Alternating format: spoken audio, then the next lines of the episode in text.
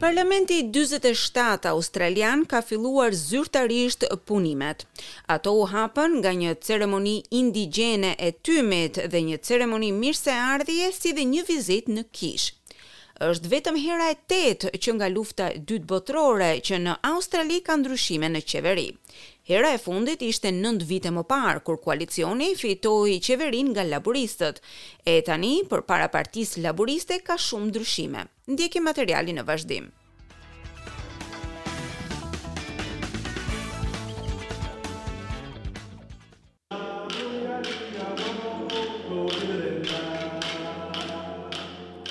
Parlamenti për këtë vit u hap me një ceremoni tymi. Ishte Qeveria Laburiste ajo e cila e bëri këtë ceremoni pjesë të hapjes së punimeve të Parlamentit në vitin dy mijë e tetë, e kryeministri reflektoi në lidhje me progresin që është bërë që atëherë. I acknowledge the record number of First Nations people who have been elected Dua të përmend numrin rekord të njerëzve me origjinë indigjene, të cilët janë zgjedhur për të përfaqësuar popullin australian në Dhomën e Përfaqësuesve dhe në Senat. Është një përparim.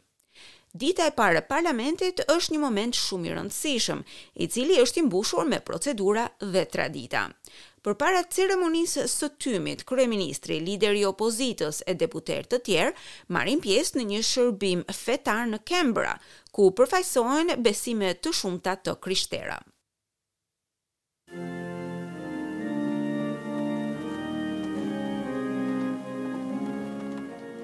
Shërbimi fetar shënon fillimin e çdo viti parlamentar, përpara se politikanët të futen në parlament. Hyrja zyrtare bëhet në Senat, ku të gjithë parlamentarët janë të pranishëm, së bashku me zëvendës guvernatorin e përgjithshëm, si dhe kryetaren e Gjykatës së Lartë, Susan Kiefel. I declare open the forty seventh Parliament of the Commonwealth. Më pas bëjnë betimin deputetët e rinj. Honourable Members, please take the Holy Book in your right hand. Do each of you swear that you will be faithful. Të nderuar deputetë, merrni në dorë Librin e Shenjtë.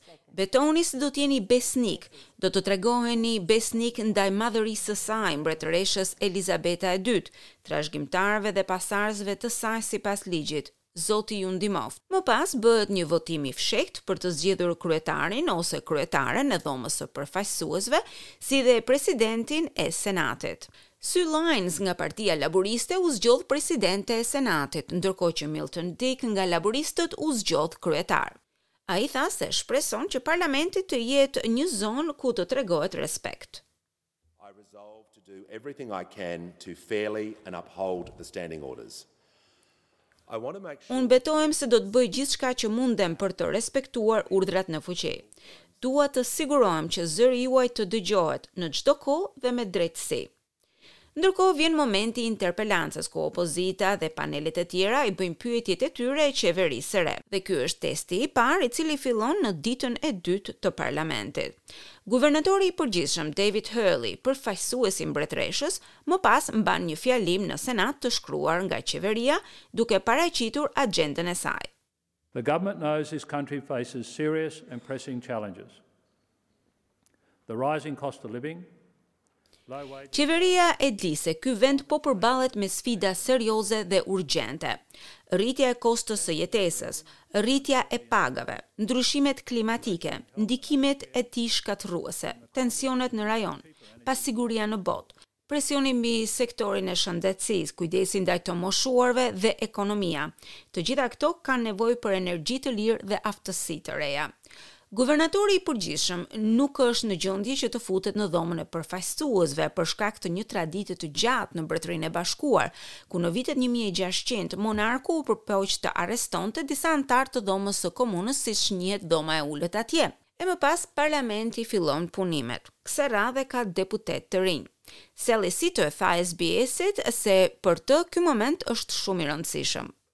We need to show that it's important to have the parliament more reflective of the communities in which they represent and Duhet të tregojmë se ka shumë rëndësi që parlamenti të përfaqësojë sa më mirë komunitetin. Le të mos harrojmë që dhoma e ulët e parlamentit quhet dhoma e përfaqësuesve e ajo duhet të përfaqësojë.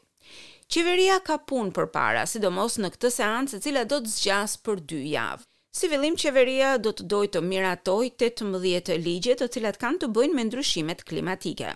Kryeministri Anthony Albanese thotë se laburistët duan të ecin përpara me objektivat e tyre të reduktimit të emetimeve me dyzet e tre përqind deri në vitin dy mijë e tridhjetë. We have a mandate for it, we intend to pursue it. I'd say to both the coalition but also to the. Ne kemi një mandat për këtë çështje dhe kemi për qëllim ta ndjekim atë, i themi koalicionit dhe të gjithë australianëve të tjerë, sidomos komunitetit të biznesit, që ky parlament duhet të heqë dorë nga rrugët e vjetra të ndarjes. Por ndërkohë opozita thotë se nuk do t'i mbështesë këto objektiva. Por për të miratuar ndryshimet klimatike, Partia Laburiste do të ketë nevojë për bashkëpunimin e Partisë së Gjelbër. Udhëheqësi i Partisë së Gjelbër, Adam Bandt, thotë se ai është ende në pozicionin e negociatave dhe partia e tij kërkon veprime më ambicioze. I think everyone across the country would be in agreement that while we negotiate. Mendoj se të gjithë në të gjithë vendin do të ishin dakord se ne duhet të negociojmë për klimën. Nuk duhet ta përkeqësojmë problemin duke hapur miniera të reja qymyri dhe gazi, tha ai. Ndërkohë kryeministri thotë se parlamenti do të fillojë menjëherë punimet.